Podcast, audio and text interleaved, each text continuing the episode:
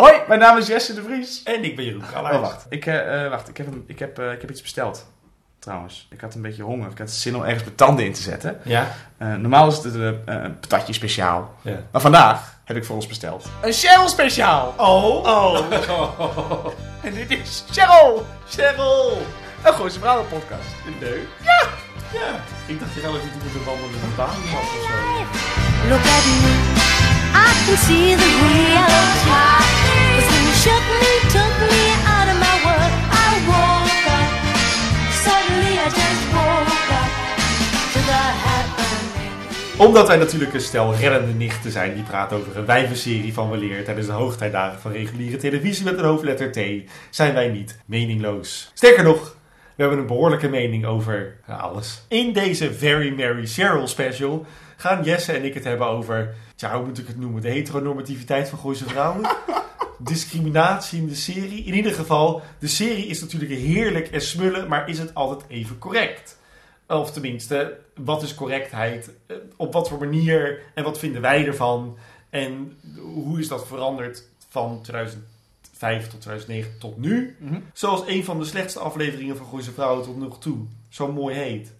Vragen. Wij hebben ze in ieder geval en proberen hierin het gesprek te starten. Want ik denk niet dat we dit gesprek kunnen afronden in een special. Denk dat we dit heel vaak nog gaan benoemen. Nee, maar goed. We hebben natuurlijk vanaf aflevering We 1 moeten het er gewoon even over hebben, Ja. langer dan normaal. Precies. Want het zit ons al vanaf het begin dwars dat er Ja. iets wringt. Wat de fuck is dat? Precies. En als er een moment is, dan is dat nu wel. Want blijkbaar is Gooise Vrouwen... Het is zoals Katy Perry swingt. Het is hot and it's cold. It's yes and it's no. It's in. And it's out. Gezien de opzet van onze podcast eh, 2020... eh, eh, ga ik nu eventjes proberen eh, een kader te scheppen. ja? En dan gaan we weer door. Deze special is vierdelig. Allereerst, deel 1 van deze special is... Wat de fuck is aan de hand met Gooise Vrouwen? En wat de fuck is aan de hand met ons en Gooise Vrouwen? Deel 2 is... Ik heb research gedaan, theoretische research over filmanalyse en dingen om de context te geven. Oh, Deel- heb zij research gedaan? Ja, ik heb gezocht. Oh. Nog, nog, nog niks gevonden. Oh, nou. ik ben nog steeds single. Ja. Deel 3 is dat wij daarover kunnen discussiëren. Over die verhandeling, dat essay, dat ding, whatever het is. En deel 4 van de special is onze tips over series die beter zijn in het probleem wat Gooise Vrouwen toont dan Gooise Vrouwen. Laten we beginnen met deel 1. Jeroen, wat is er, in, wat is er nou aan de hand met Gooise Vrouwen? Nou, dat zal ik je even, ah, even uitleggen. Luister. Gooise Vrouwen was begin deze maand, en dan hebben we het over juli 2020, ineens in het nieuws omdat Wil Koopman had bedacht, met toestemming van productieteam van RTL, om Gooise Vrouwen 2 van Videoland te halen. De film. De film, eh, waar wij nog lang niet zijn. eh, Julia Child. Eh, omdat er scènes in zaten die achteraf gezien ongepast zijn. De- in deze tijd, Mm. vindt zij. Wordt de film later dit jaar weer teruggegooid op Videoland.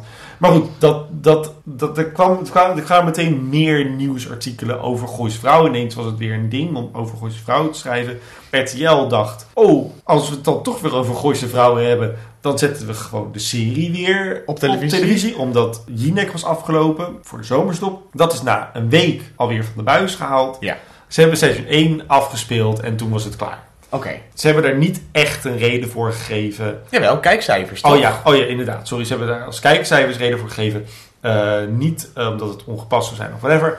En ze hebben wel laten weten dat ze geen ongepaste scènes uit de serie gaan halen. Mhm. Dus dat de serie onveranderd blijft. Maar dat Gooise Vrouwen 2 wel wordt aangepast. En eh Sistine Carillon, die Tippy Wan speelt in de serie, heeft eh laatst een interview gedaan met AD En RTL Boulevard. en RTL Boulevard. En heeft laten weten dat ze de rol van Tippy anno nu niet meer aan zou nemen. Ehm, wat ik heel begrijpelijk vind. En dat ze wel wil benadrukken dat ze ziet dat Wil Koopman in ieder geval doorheeft dat ze wat moet veranderen. Mhm. Ja, want ik heb toen een artikel gelezen waarin ze ook zegt... Ja, de plotmatige noodzaak van Tippy is zo belangrijk dat ze er niet uitgeschreven kan. Ja, Tippy Die- kun je er niet Die kun je niet uitsnijden. Nou, dat is de- redelijk, redelijk oké. En, dit, en, en dit komt ook overeen met waar wij het vaak over hebben, namelijk de interieurnicht. En nu moeten we een beetje glazen bol kijken. Maar Jari komt er, blijk, komt erin zometeen. En ik heb Mhm. Jari nooit gezien, want ik heb de serie nooit gekeken tot dat. Want ik weet nog wel dat wij in het begin in- hadden over ehm, dat M- Merel van Claire had een asielzoekersvriendje. En dat eh, eigenlijk de hele serie eh, probeerde te vertellen: eh, de dreiging is het asielzoekersvriendje. Dat is, Ja. Hij is crimineel omdat hij asielzoeker is. Ja, en hij is zelfs nog de reden of een van de verdachten geweest in de zaak. Om- heeft Claire in omdat hij het- asielzoeker is. eh, puur vanwege dat enige argument wat ze hadden tegen de vriend van En ehm, ik weet eh, dat jij hebt natuurlijk heel vaak ook gezegd, en daar heb je ook gelijk in, de serie Gooise Vrouwen is eigenlijk een uitvergroting van hoe de makers het gooi zien versus de wereld. En hoe de Gooise mensen naar de wereld kijken. ja, en, en dat is allemaal goed, fijn en aardig. Alleen eh, waar wij geloof ik allebei mee zitten, is dat omdat het een representatie is van een werkelijkheid met de meningen van makers en iedereen kijkt ernaar, dragen zij verantwoordelijkheid en is het argument, maar dit is satire, dit is uitvergroting, is niet goed genoeg meer. Ik vind sowieso de argumentatie Gooise Vrouwen is satire echt een van de zwakste argumentaties. Ze gooien tegen die serie, want Gooise Vrouwen is geen satire. Nee. Koefnoem, dat is satire. Want Toren C, dat is satire. Want, en zelfs eh, daarin kan je discriminerend zijn. Ja. Dat, dat je satire bent, betekent niet dat je een vrijbrief hebt om eh, elke eh, eh, bevolkingsgroep of seksuele geaardheid onder de bus te gooien. Nee. Het enige wat we toevallig, nou toevallig, hebben we het vorige keer over gehad, is dat jij ook zei, Gooise Vrouw is niet codevast. Dus inderdaad, soms is het satirisch. Eh, maar wat satire voor mij behelst, is dat het tijdsgebonden is. Dus dat satire inhaakt en probeert te breken met de werk- werkelijkheid om de waanzin ervan aan te geven. Eh, wat bijvoorbeeld een SNL doet en een Kopspijkers vroeger, is figuren uit de publieke opinie eh, neerzet op een manier waardoor hun dreiging wordt ontkracht of hun anders zijn wordt uitvergroot. Waardoor het, waardoor het belachelijk gemaakt wordt. En dat zorgt ook voor, voor discussie. Dat is satire voor mij. En Gooise Vrouwen is een dramaserie die... Satirische elementen Juist. bevat, maar het wordt nooit kritiek op de samenleving. Nee, maar dat doet het wel. Gooise Vrouwen is entertainment. Het is een dramaserie. Het is, het is een weerspiegeling Van, maar het leert, het leert ons niks over hoe wij een beter mens moeten worden of hoe wij moeten kijken naar de maatschappij. Nee, maar je kunt ook zeggen, het is een serie die, omdat het een serie is, eh, ons nu kan leren over wat we nu anders zouden doen. Satire zou dat niet kunnen doen. Satire is namelijk kunnen zeggen, hey, dit is een tijdsgeest, dit is een tijdsbeeld. En Gooise Vrouwen is een distillatie van het wereldbeeld van toen. Ja. We hebben het natuurlijk veel gehad over de eh, interieurnicht. En op een gegeven moment besloten wij, we gaan het er niet meer over hebben, want Dat gebeurt te vaak. het gebeurt te vaak. De 57 hapjesman. Ja, en we hebben de, de, de bloemist gehad. Heel kort, zo'n bloemist, weet je nog? Met die rozen van Martin. Oh ja, ja, klopt ook nog eens een keer. We Ja. hebben de, de Surinaamse verzorgster gehad van Claire. We hebben eh, Martin Morero, die bij pas en te onpas opmerkingen maakt over flikkers, Aziaten. Ja, ja Tippy Wan die krijgt het zwaar te verduren. Eh, en we hebben natuurlijk in de vorige aflevering, De Gooise Vrouw, hebben wij een lesbisch personage. Volgens mij het eerste volledig eh, uit... Het is, niet uit, het is een bijpersonage met een lijn... eh, met een andere seksuele geaardheid dan heteroseksueel. Ja, eh, wat niet gebruikt wordt als eh, stereotyperend. Ik weet dat in onze discussie van de vorige aflevering was ik redelijk verrast over de eerste twee actes. Omdat ze daarin het personage van Harriet eh, redelijk in balans inzetten. Er zit niet een soort. Dat vond ik heel prettig. Want een, bijvoorbeeld een, een interieurnicht, eh, gespeeld door Dick van Toorn, is enkel homo. Speelt enkel de interieurnicht. En dat is. Ja, dat is de enige Dat is regieaanwijzing. de enige regieaanwijzing. En het is grappig, alleen de grap is respectloos. Wat volgens mij aan de hand is, en we gaan nu denk ik richting deel 2, is dat de serie toen de tijd niet doorhad wat ze deden. Mhm.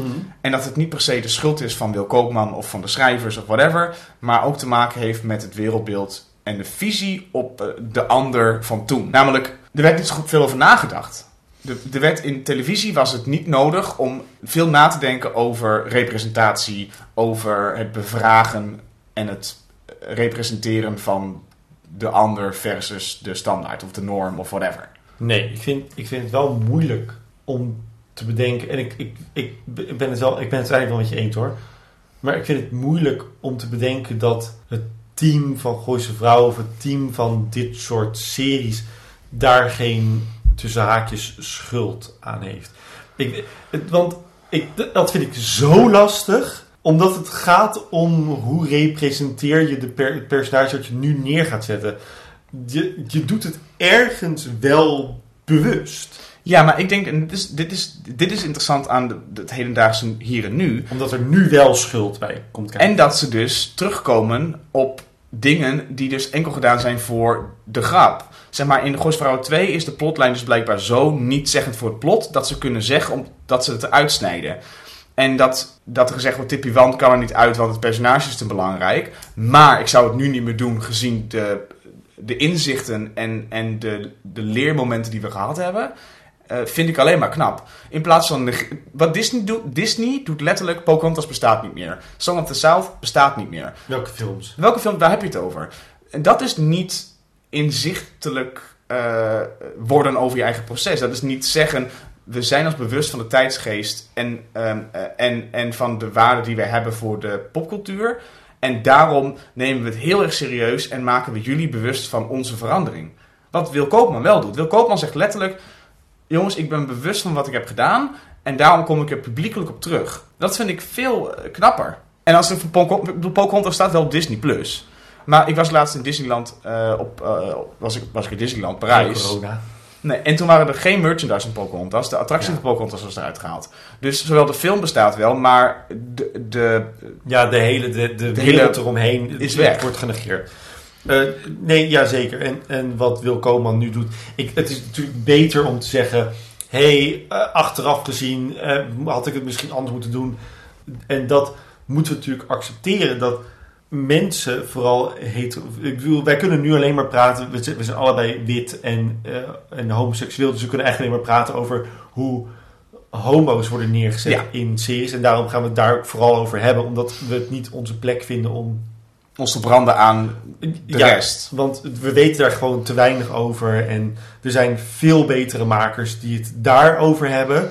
Zoals Eden Dijkstra en... eh, Esther Duisker. ja, Dat, ik heb liever dat je dat nu doet dan dat je dat nooit doet. Ja, precies. En mensen mogen, ik bedoel, wij hebben ook, luister, Jeroen, wij zijn ons ook constant aan het ontwikkelen in hoe wij ons representeren in ons werk. Weet je wel, en eh, hoe ik vroeger een homoseksueel personage gebruikte, was ook geëikt aan hoe ik zag dat het gebruikt werd in de media, in de popcultuur. En met de tijd verandert dat. Dus ook wij veranderen ons. Ja. En ook wij, bedoel, deze discussie hadden wij vijf jaar geleden niet kunnen voeren. Deels omdat we daar niet bewust genoeg mee bezig waren, omdat we- het maakt niet uit of het boeit niet.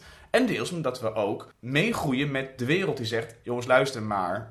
Ja, het, het ding is meer... Ik, ik, ik denk dat het ook te maken heeft met dat we ondertussen een stuk ouder zijn. Vooral jij. Eh, is dat... Ik heb altijd een soort van woede gevoeld als het gaat om stereotypering van homoseksuelen in theater. In, Mm. ik, ben- ik ben natuurlijk ontzettend een musical nerd. Eh, vooral in musicals en vooral in Nederland. eh, wordt dat verschrikkelijk neergezet. Als je dan vervolgens kijkt naar televisie, wordt het exact hetzelfde neergezet. Qua nee, ik, ben, ik ben er altijd een soort van boos over geweest. Alleen ik heb er gewoon nooit een platform voor gevonden om iets over te kunnen zeggen. Of, Maar aan de andere kant gebruik je ook iconische, bijna. eh, maar ik gebruik het altijd met een eh, achterliggende eh, gedachte. Ja, precies, maar dat is het ding. Kijk, dat is natuurlijk een hele andere discussie. Ehm, alleen mensen gebruiken ons ook als maatstaf voor hun eigen regels. En ik heb natuurlijk met mijn werk in de horeca, daar ben ik best wel eh, hard in geweest. Eh, je mag alles tegen me zeggen en ik maak het drie keer zo erg en dus dan, dan maak je het kapot. Alleen als ik zo ben, betekent dat dat mensen die nooit een homo hebben gezien behalve mij, dat dus alle homo's de grapjes kunnen hebben. Ja. Dus ik ben zowel, zeg maar, positief voor de verandering, laten we het zo zeggen, als, nou ja, uithangbord, als dat ik ook mensen benadeel. En dat zal voor in het theater met jou ook. Jij gebruikt hele exp- expressieve theatrale personages. En je bent homoseksueel. Dus er zijn mensen die zullen zeggen: Oh, zie je, oh, dit is dus wat. Als hij het kan, dan kan ik het ook. Precies, dat is En dat vind ik een discussie. die je nooit kan voeren en niet kan winnen. En wat alleen maar. Nee, maar het is wel. Het is, zowel, het, het is zowel goed als slecht. En daarom is het goed als het slecht gaat dat mensen zoals Wil Koopman zeggen: Het is slecht gegaan en we komen erop terug. Ja. En voor mensen zoals ons nu te kunnen kijken naar waarom is het slecht, wat is er nu veranderd, waarom is het nu goed. Juist. En eh, daarom zou ik heel graag nu naar je essay willen. ik bedoel, dat het essay wat je hebt gevonden, waar, wat je hebt vertaald, een beetje bewerkt, zegt alsnog genoeg over jouw visie Mhm. erop. Want dat, ik bedoel, jij herkent je er heel erg in. Mhm. En ik ook. Dus laten we naar deel 2 gaan Ja. voor de theorie en de wetenschappelijke kant. En dan weer. Ja, goed plan. Ja.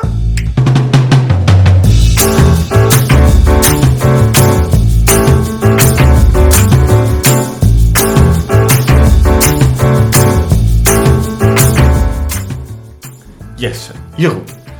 We zijn op punt aangekomen in dit gesprek, wat ik graag noem deel 2. Of Actedos. Ac Actedors. Ja, in principe wel. Ja. Ja, ja. Ja. En ik weet dat jij nogal veel waarde hecht aan het wetenschappelijke gedeelte van eh, de discussie. Ja, klopt. Hè, de feitjes. Ik ben meer van de ditjes en datjes. En de. Hè, de ditjes en de ik fitjes en de feitjes. Eh, Ja, ja, precies. Ja, wat ik heb gedaan, Jeroen, is ik heb een essay uit mijn kast getrokken die vrij vertaald eh, aan de hand van eigenlijk onze vorige Cheryl-aflevering Een Gooise Vrouw, waar de verhaallijn zit met Willemijn. Ja.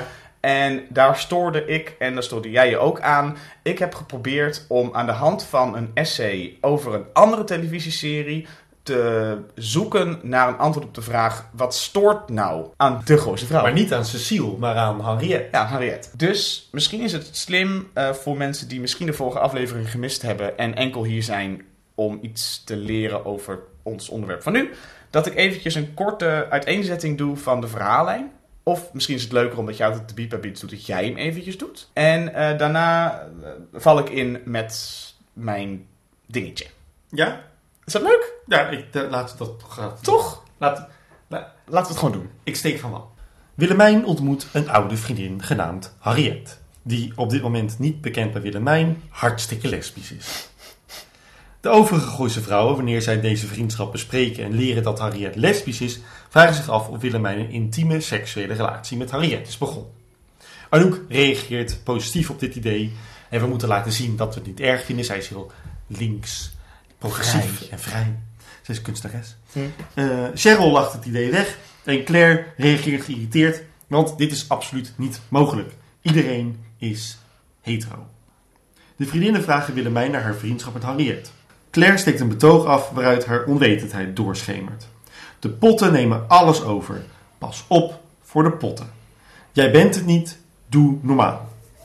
Ondanks het wegwuiven van deze interventie begint Willemijn toch aan haar eigen seksualiteit te twijfelen. Zij en Harriet hadden de avond ervoor immers veel gedronken en werden samen in één bed wakker. Was het in nachthemden. Willemijn bespreekt dit met Rossi, dat is de therapeut, en zegt los van het feit dat Harriet alle kenmerken van een goede partner belichaamt, niet op vrouwen te vallen. Later vraagt zij de nietsvermoedende Harriet of zij per ongeluk iets hebben gedaan. Harriet stelt haar gerust, er is niks fysieks gebeurd. De opluchting van Willemijn kwetst Harriet en ze geeft aan geen vrienden te kunnen blijven. Haar gevoelens zijn te sterk en ze kan niet enkel vrienden zijn met Willemijn. Gekwetst. Loopt ze weg. En dat eruit. Ik kan geen vrienden zijn met, Met Willemijn. Willemijn. Wat stoort ons nou zo aan de verhaallijn van Willemijn in Ja. deze aflevering? Ik denk, eh, Jeroen, dat wij ons vooral ergeren aan het perspectief en de manier waarop de schrijvers hiermee eigenlijk ge- misbruik maken van een anders, tussen haakjes, personage, omwille van een schijnpositieve boodschap. Namelijk, wij accepteren iedereen zoals je bent, ondanks dat je anders bent. Het homoseksuele personage, Harriet dus, wordt immers misbruikt ter behoeve van, en hier komt het kernwoord Jeroen, let op, heteronormatief perspectief.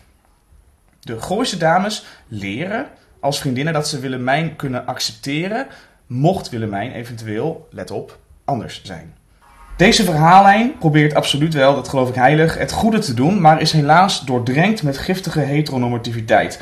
Een standaard die wij gelukkig anno 2020 anders dan in 2007 beginnen te bekritiseren. Nou, ik ben dus op zoek gegaan naar een essay eh, over een dramaserie waarin het concept van uit de kast komen, anders zijn, eh, niet enkel vanuit een heteronormatief perspectief wordt verteld.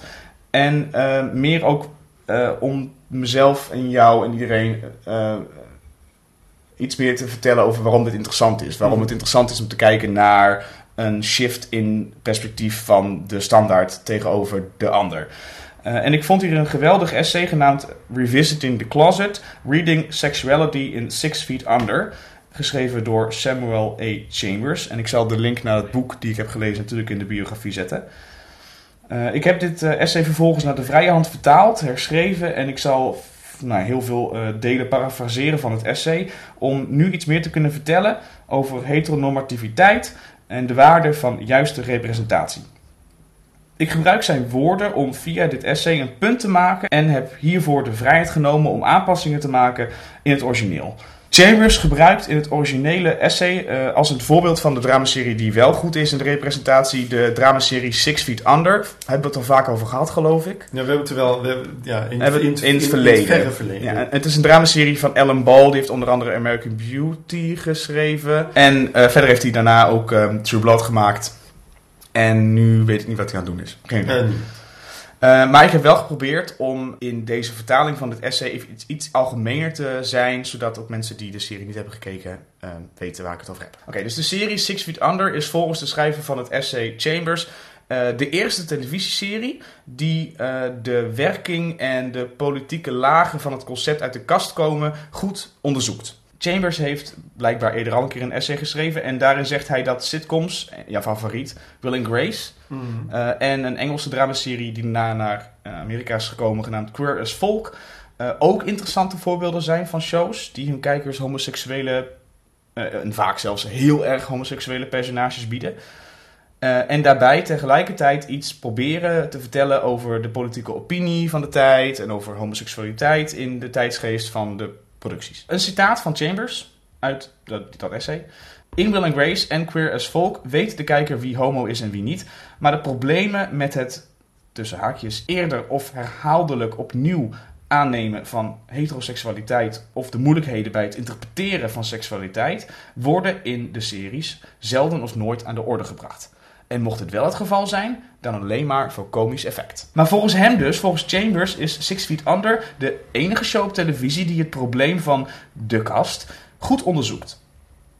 Beginnend in de eerste paar afleveringen van de serie ervaren kijkers de kast middels het leven van een personage genaamd David Fisher. Een personage dat in de allereerste aflevering al aan de kijker wordt geout, maar dit voor een heel groot deel van het eerste seizoen verzwijgt voor de andere personages. De show verkent belangrijke vragen en cruciale politieke problemen. Problemen van macht, problemen van macht, identiteit en representatie.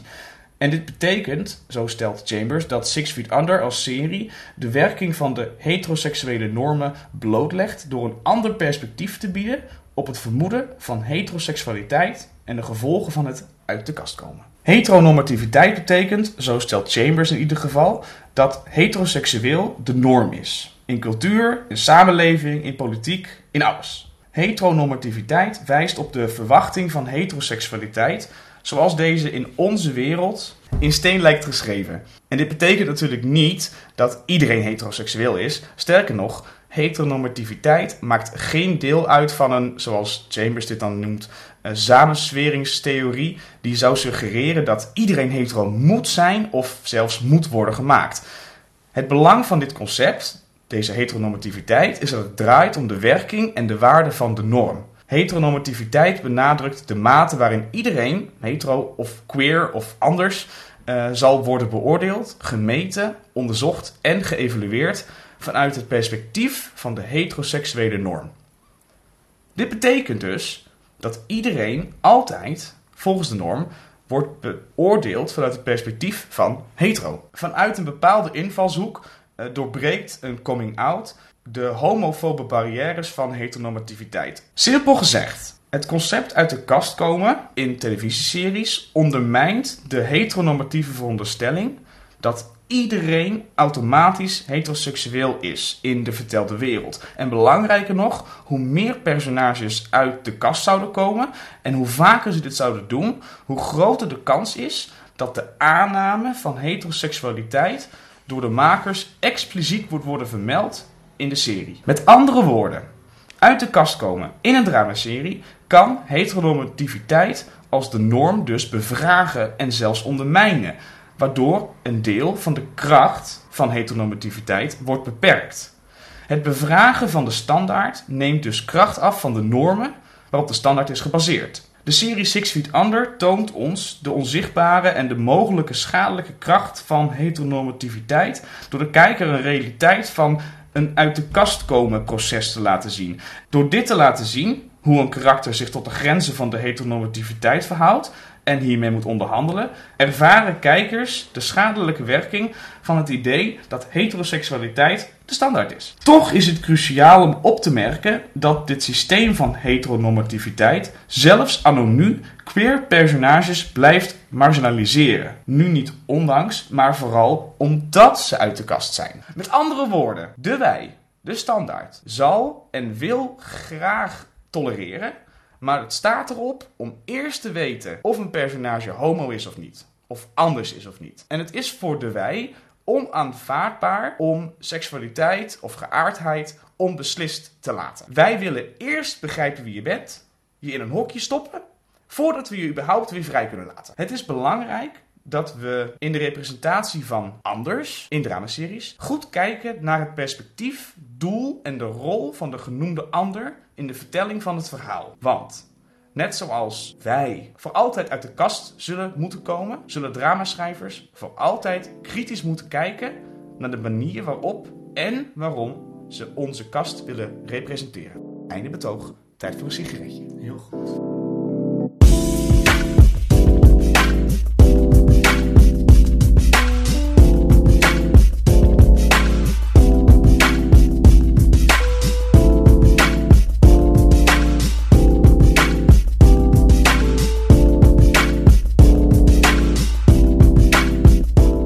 Om met de deur in huis te vallen. Ehm, ben jij het eens met wat het essay van die Chambers zegt? Eh, want voor mij zegt het namelijk heel veel over mijn eh, gevoel eh, en, en de moeite die ik heb met Gooise vrouwen. Ja, ik ben het er wel mee eens. Gezien de tijdsgeest en het feit dat het gewoon vanuit een heteroseksueel oogpunt wordt gemaakt. Eh, nou vind ik het wel een ander verhaal sinds seizoen 3 over is genomen door Frank Houtappels. Maar die volgens mij gewoon iets meer vanuit het satirische oogpunt kan schrijven. Ja. Dus misschien iets andere soort humor erin brengt.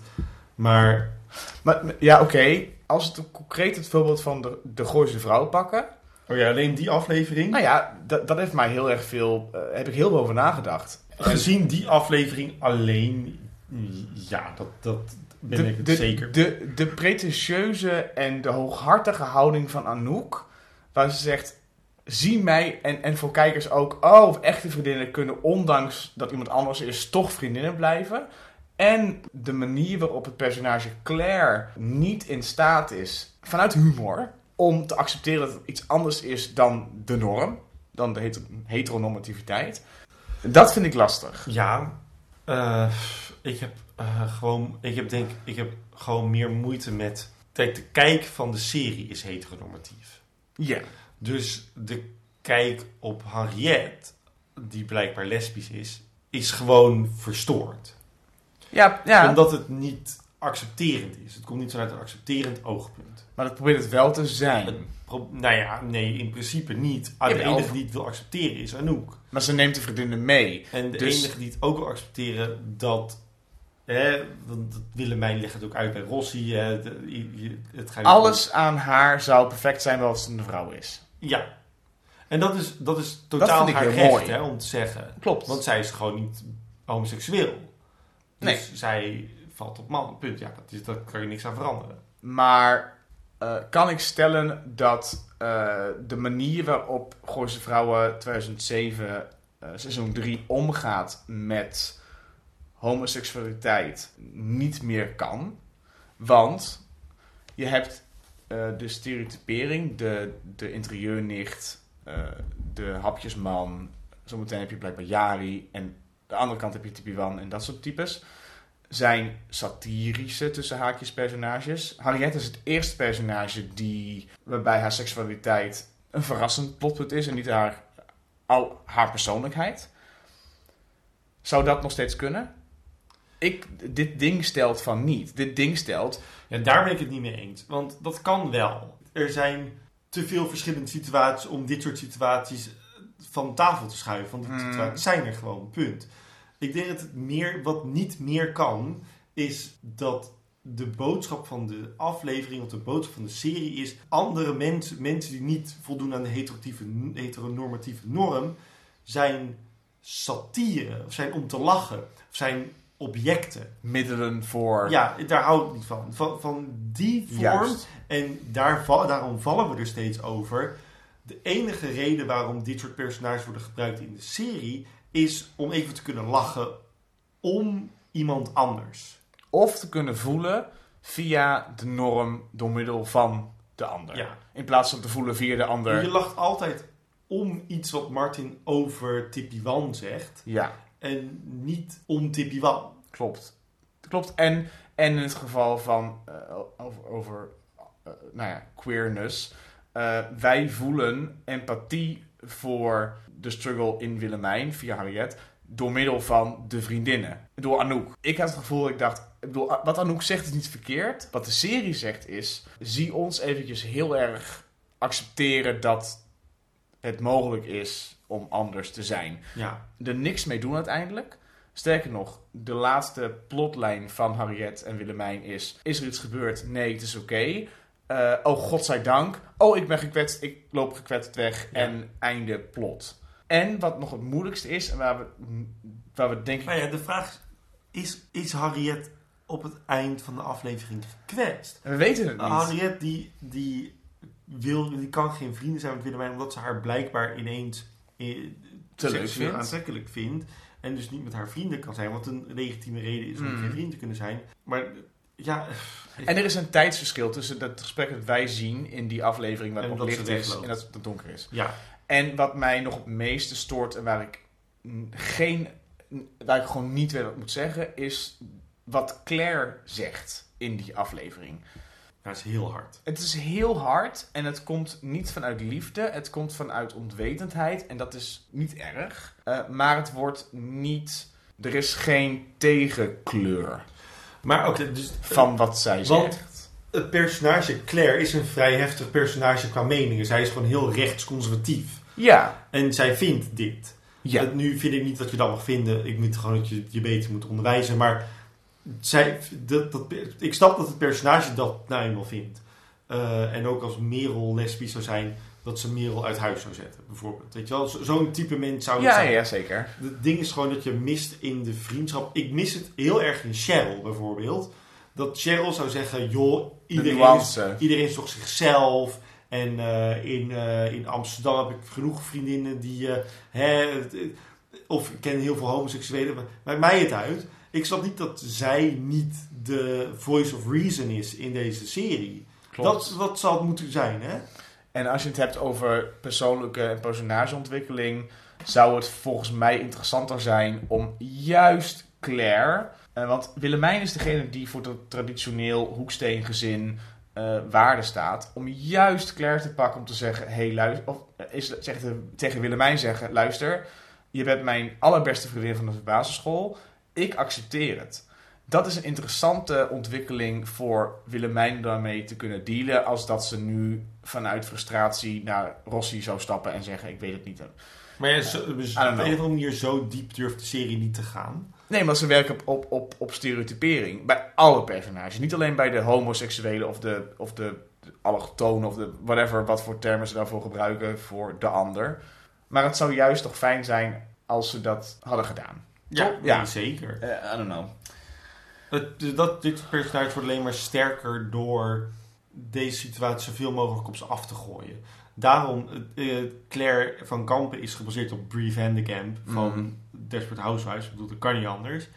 Ehm, en wat in Desperate Housewives is gebeurd, is dat ze Brie een homoseksuele zoon hebben gegeven. Ja, wat het plot van seizoen 1 was. Waar of zo. Brie natuurlijk absoluut niet mee kan dealen. Maar op het eind van de serie zijn zij en haar zoon businesspartners. En daar hebben ze een heel groot imperium opgezet. Zij laten gewoon een re- ze laten in die serie de ontwikkeling zien van die vrouw. Van ontzettend conservatief en kan niet, naar accepterend en liefdevol naar haar zoon en de rest van de gemeenschap. Ja. En dat, die eh, eh, welwillendheid merk ik in geen enkele scène van Gooise Vrouwen.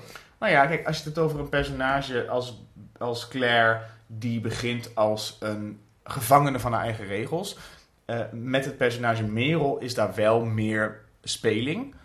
En dat, maar dat is omdat het gewoon gaat over een moeder-dochterrelatie of, of een plot wat ze niet willen erkennen. Maar Ja, maar de serie durfde bijvoorbeeld niet Merel lesbisch te maken. Of En- ervoor te maar- kiezen om Willemijn wel lesbisch te maken. Of, sterker nog, Martin een relatie vriendschappelijk aan te laten gaan met een niet-heteroseksuele man slash vrouw. Ja, want ik kan je zo meteen verzekeren dat als Jari in beeld komt, hij Jari altijd raar blijft vinden. Ja, en de gek. Of de... Terwijl Martin moet als een van de weinigen van de serie begrijpen dat hij geld kan verdienen aan de homo's.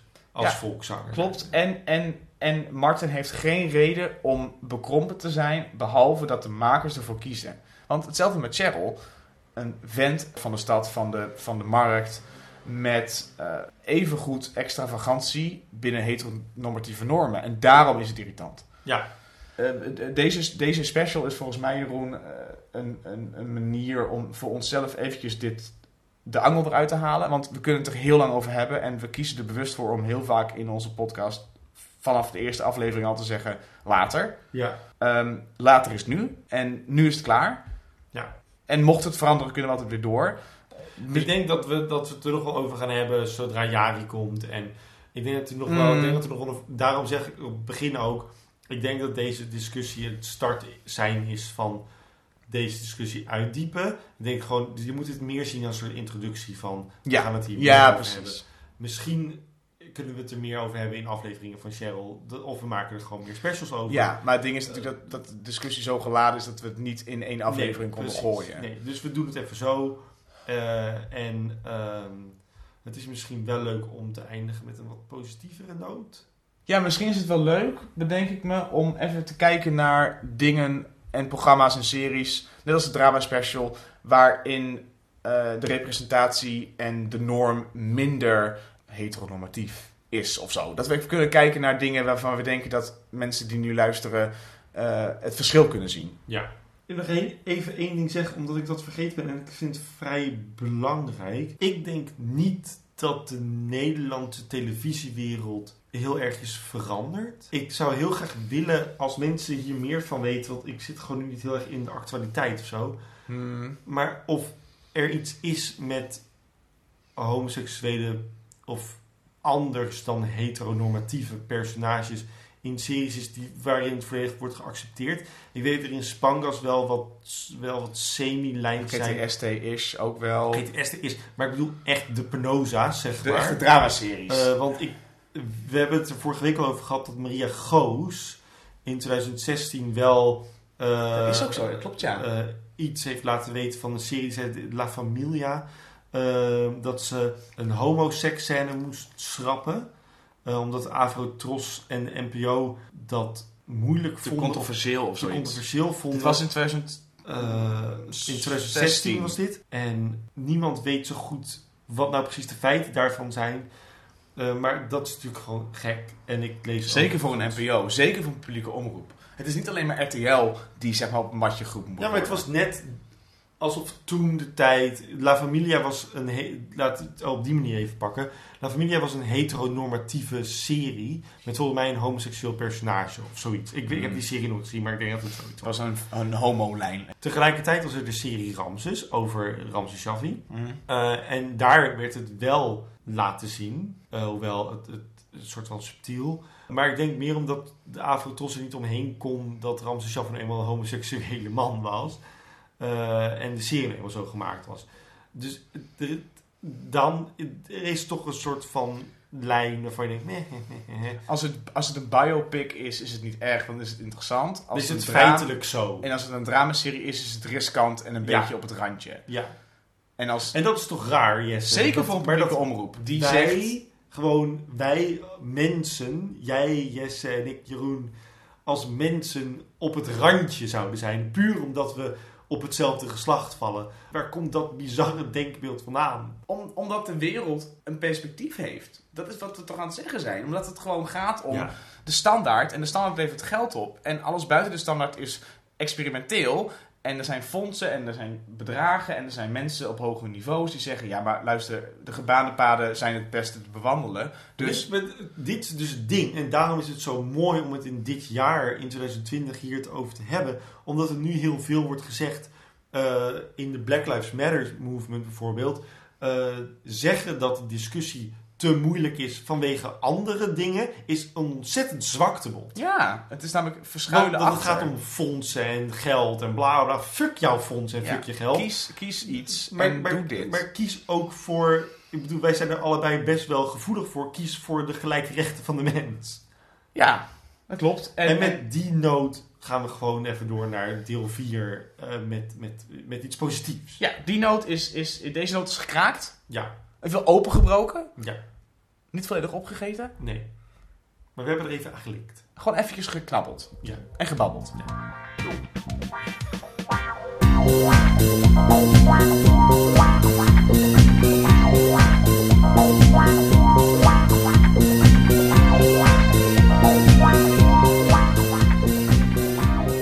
Jeroen, Yes. eh, we zijn godzijdank 15 jaar verder. Klopt. En er zijn genoeg dingen veranderd in onze wereld, in de wereld, in de televisiewereld. Waardoor we nu kunnen zeggen, er zijn ook series die meegegroeid zijn met de tijdsgeest. Ja. Dus laten we voor het Gooise gezegde eindigen met een paar tips van jou, van mij, van ons. Van dingen die wat ons betreft beter doen wat Gooise Vrouwen niet heeft gedaan. Ja. ja. Ja, ik ben het met je Ja. eens. Dus dan zeg ik ja. Eh, eh, laat ik beginnen met, we haten Ryan Murphy. Ik bedoel, het is echt, ugh. maar Glee... Ik zie al redelijk. Het eerste seizoen vooral. Glee was gewoon een serie gebaseerd op de standaard bestaat niet, behalve dat we zingen. Ja, en iedereen is raar. En iedereen is raar. En seksualiteit is daarbij niet belangrijk. En de dingen die, wat, wat ik gezien heb, in ieder geval eh, belangrijk waren binnen de, de gay of de queer lijntjes, was meer de coming out en de reactie van. Dan dat het ging over, oh iemand is gay, oh nee. Mhm. Dat vond ik wel heel prettig. Ja. Maar Ryan Murphy is daarin sowieso redelijk. eh, eh, Hij, heeft hij wil wel heel graag de diversiteit van de maatschappij laten zien. Nou ja, ik heb van Ryan Murphy eh, een, zo'n film gezien van HBO was dat, The Normal Heart. Het was een voorstelling dat ging over Larry Kramer. Dat was zo'n activist in de AIDS-epidemie. En dat is een voorstelling geweest, eerst een theatervoorstelling. En die is toen door hem met, met Bomer en met ehm, Jonathan Groff en met hij van eh, Big Bang Theory. Heeft hij er een film over gemaakt. Fucking mooi. Grey's Anatomy, het spijt me zeer. Ja, zeg het maar. Grey's Anatomy heeft gewoon eh, eh, aseksuele personages, lesbische personages. Tuurlijk, het is mainstream televisie, dus ze moeten het gewoon op een bepaalde manier inbrengen. Maar Oh, maar wel, oh, hoe bedoel je? Natuurlijk, het is mainstream. Dus Nou ja, het het, heeft- feit dat die personages er zijn op mainstream televisie. dat is het goede eraan, omdat namelijk... Weet je, Grey's Anatomy staat ook bekend als een serie die mensen medische kennis heeft gegeven die nooit een dokter hadden. Net als dat ze dus hoofdpersonages hadden die op een gegeven moment, doordat acteurs zelf eh, queer waren, queer werden. Het heeft, het heeft wel iets gedaan. Ja. Supergoed.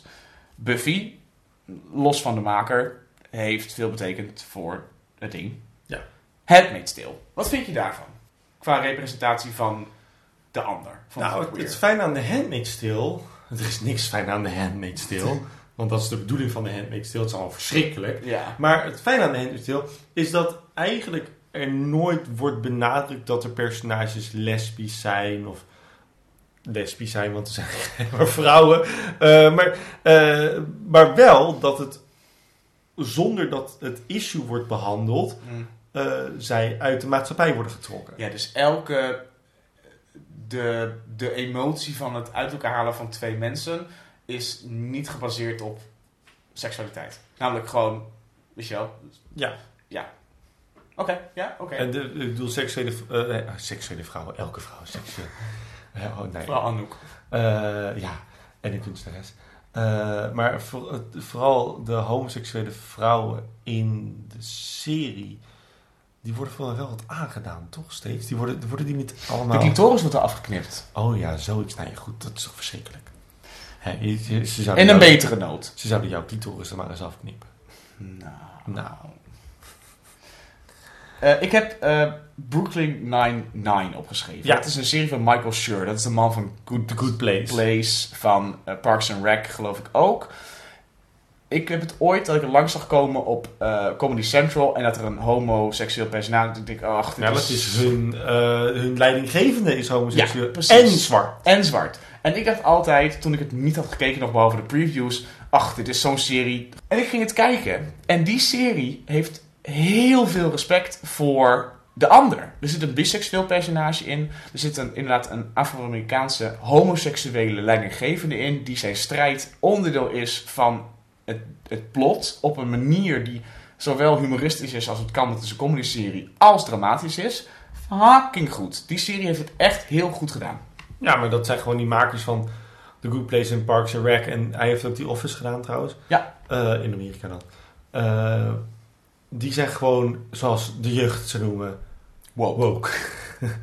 Ehm, ja, de, over eh, woke gesproken is de reboot van Will and Grace toch slecht geschreven, erg woke.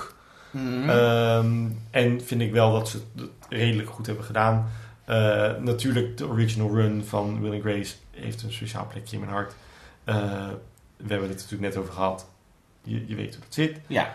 Shit's Creek is gewoon een serie waar dit soort dingen ontzettend in naar voren komen. En niet eens als probleem. De, het hoofdpersonage, David, is ehm, volgens mij poly, hoe heet hij? Polyamoreus? Nee, niet polyamoreus.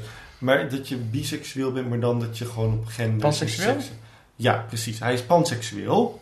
En dat wordt nooit benoemd. Nooit. Niemand zegt het ooit. Mm. Hij, eh, hij is heel erg feminien. Eh, maar zijn eerste relatie in de serie is met een vrouw. Mm. En dan word je... Dat, ik was een beetje in de war. Ik dacht, huh, Mhm. wat gaan ze doen? Want die jongen is overduidelijk homoseksueel. Maar hij is de maker van de serie. Hij, is, hij is voor jou homoseksueel omdat je namelijk de... Ik herken de signaal. Ja, precies. Maar hij is dus niet homo. Hij is dan... eh, Hij is, hij is pan, dus hij ja, precies. Is, dus dat is interessant. Dat Hij is zelfs- anders. Ja, dus dat jij ook... Je gaat verhouden op jouw manier. En dat Ja. je dus door de serie leert... Oh, wacht. Er is iets anders dan... Ja. Super slim. En uiteindelijk trouwt hij met een man. En, maar niemand zegt ooit, en het zit in een heel klein dorpje, maar niemand zegt ooit van, oh, maar dat zijn die twee homo's of zo. Weet je? Mm. Dat wordt gewoon nooit benoemd. Mm. Het, het is, uh, Shit Creek is briljant. Dan moeten we hem natuurlijk even noemen Orange is the New Black. Ja. Want, nou ja, omdat Orange is nou eenmaal de New Black. En ik ben blij dat de serie afgelopen is. Maar het heeft, wel, het heeft ons wel Laverne Cox gebracht. True. En Laverne Cox. Oh mijn god. Dan nu twee series waarvan ik denk, na het schrijfwerk, hè, het, pff, het is niet, het is niet Mm. op de huis, Mm. maar het is wel een serie die goed doet qua representatie. Eh The Umbrella Academy, waar je Klaus hebt, die volgens mij tot nu toe alleen wordt neergezet als homoseksueel. Ja, hij is een homoseksueel personage inderdaad. Eh, ja. En de reboot van Sabrina the Teenage Witch. Want nu Ook van Netflix. Chilling Adventures of Sabrina heet. Eh, volgens mij in de originele run was homoseksualiteit gewoon geen Absoluut ding. no-go. En nu is het echt... Bijna elk personage heeft iets. Dan komt dat het van de makers van Riverdale is. En Riverdale is de nieuwe Glee. Ja, Waarin alles mogelijk is. alles... En dat is ook prima. We hebben, nu nog, we hebben nu nog vier dingen die we willen benoemen. Als tip. Mhm. Ik heb nog één normale serie. Mhm. En dan heb ik nog een speciale noot. En jij hebt ook nog twee dingen. Ja. Klopt dat? Ja. Oké. Hij is misschien een beetje controversieel qua dit thema. Maar ik vind wel dat hij het goed doet. Dat is namelijk de beste comedy-serie van de jaren 90. De nanny. The Nanny. The Nanny heeft bijna geen homoseksuele personages. Maar Fran Fine, de Nanny, Mhm. is zo ontzettend eh, een, een persoon die alles accepteert. En volgens mij zijn er best wel gay cousins die ze heeft. En is elk, ik weet niet, die, de serie voelt voor mij sowieso als deel van de queer community op de een of andere manier. Omdat die zo ontzettend camp is.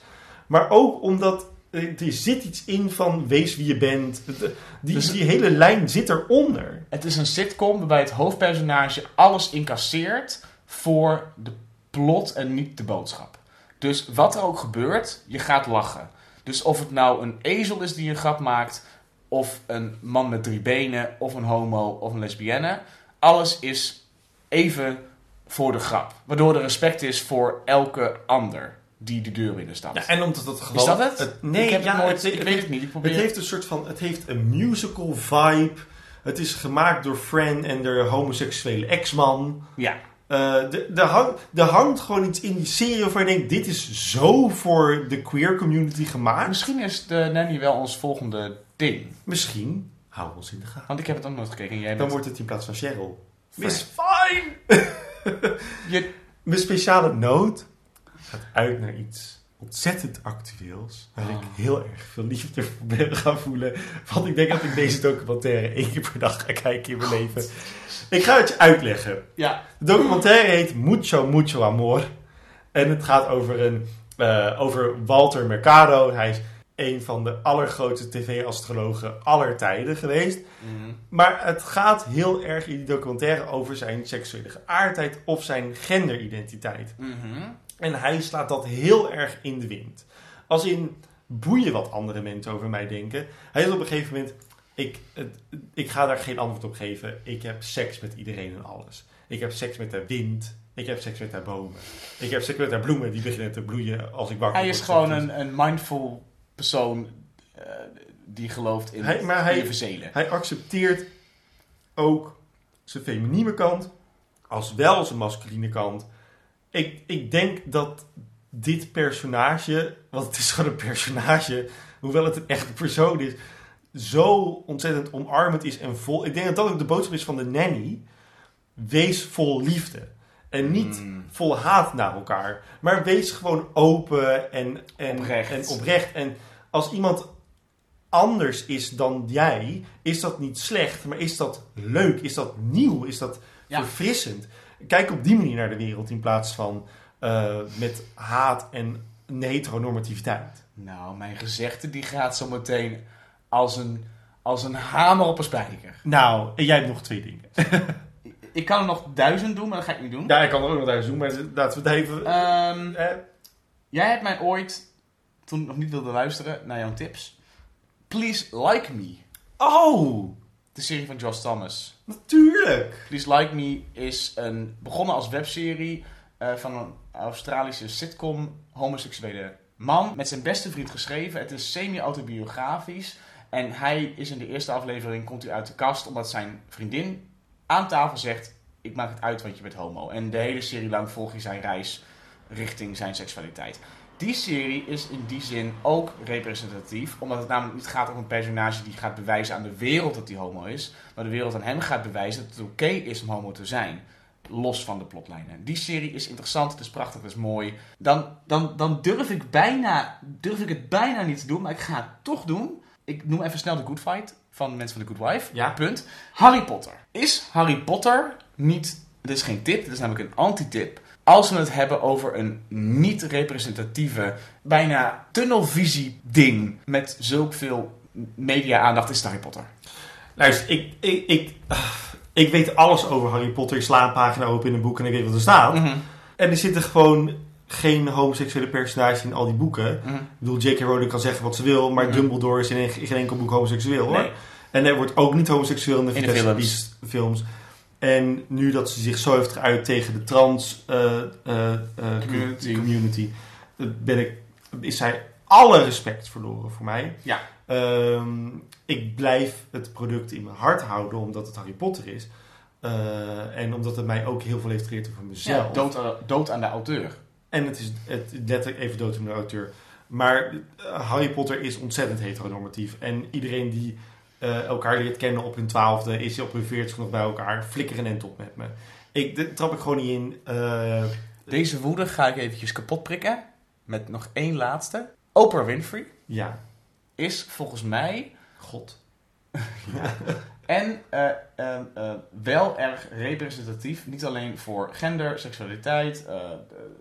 Omdat ze een talkshow heeft gehad en wilde luisteren. Dus als je, als je iets wil leren over de verandering van tijdsgeest en de verandering van massamedia, is het Oprah. Ik heb een gezegde uit het gooi. Ja, Als een soort van hekkensluiter. ja. Maar volgens mij kwam jij net iets tegen wat een beter einde is. Dus laat mij eerst het gezegde doen. De wijsheid. Ah, yes. Om dan te eindigen in een, volgens mij, en wat mij betreft, hele goede wijsheid over alles wat we besproken hebben. Ja. Goed. Gezegd uit het gooi. Mensen die enkel geïnteresseerd zijn in de standaard, trouwen uiteindelijk allemaal met hun eigen fiets. Ik vind het zo dom. En ik geef je een trap na. Zo- Vind je hem dom? Ja, met die standaard in de fiets. Het is te flauw voor woorden, Ja. maar hij werkt wel. Ja, ik vind het hartstikke fijn. Goed. Dank je. Dom is niet erg, hè? Nee, dom is niet erg. Nee. Is dat een dom in Utrecht? Die vind ik niet Ja, erg. precies. Ja, nou, ja, wat jij zegt. Eh, ja, ik was benieuwd naar wat Sean Hayes, die Jack McFarlane speelde in Will and Grace, eh, misschien een keer heeft gezegd over zijn rol.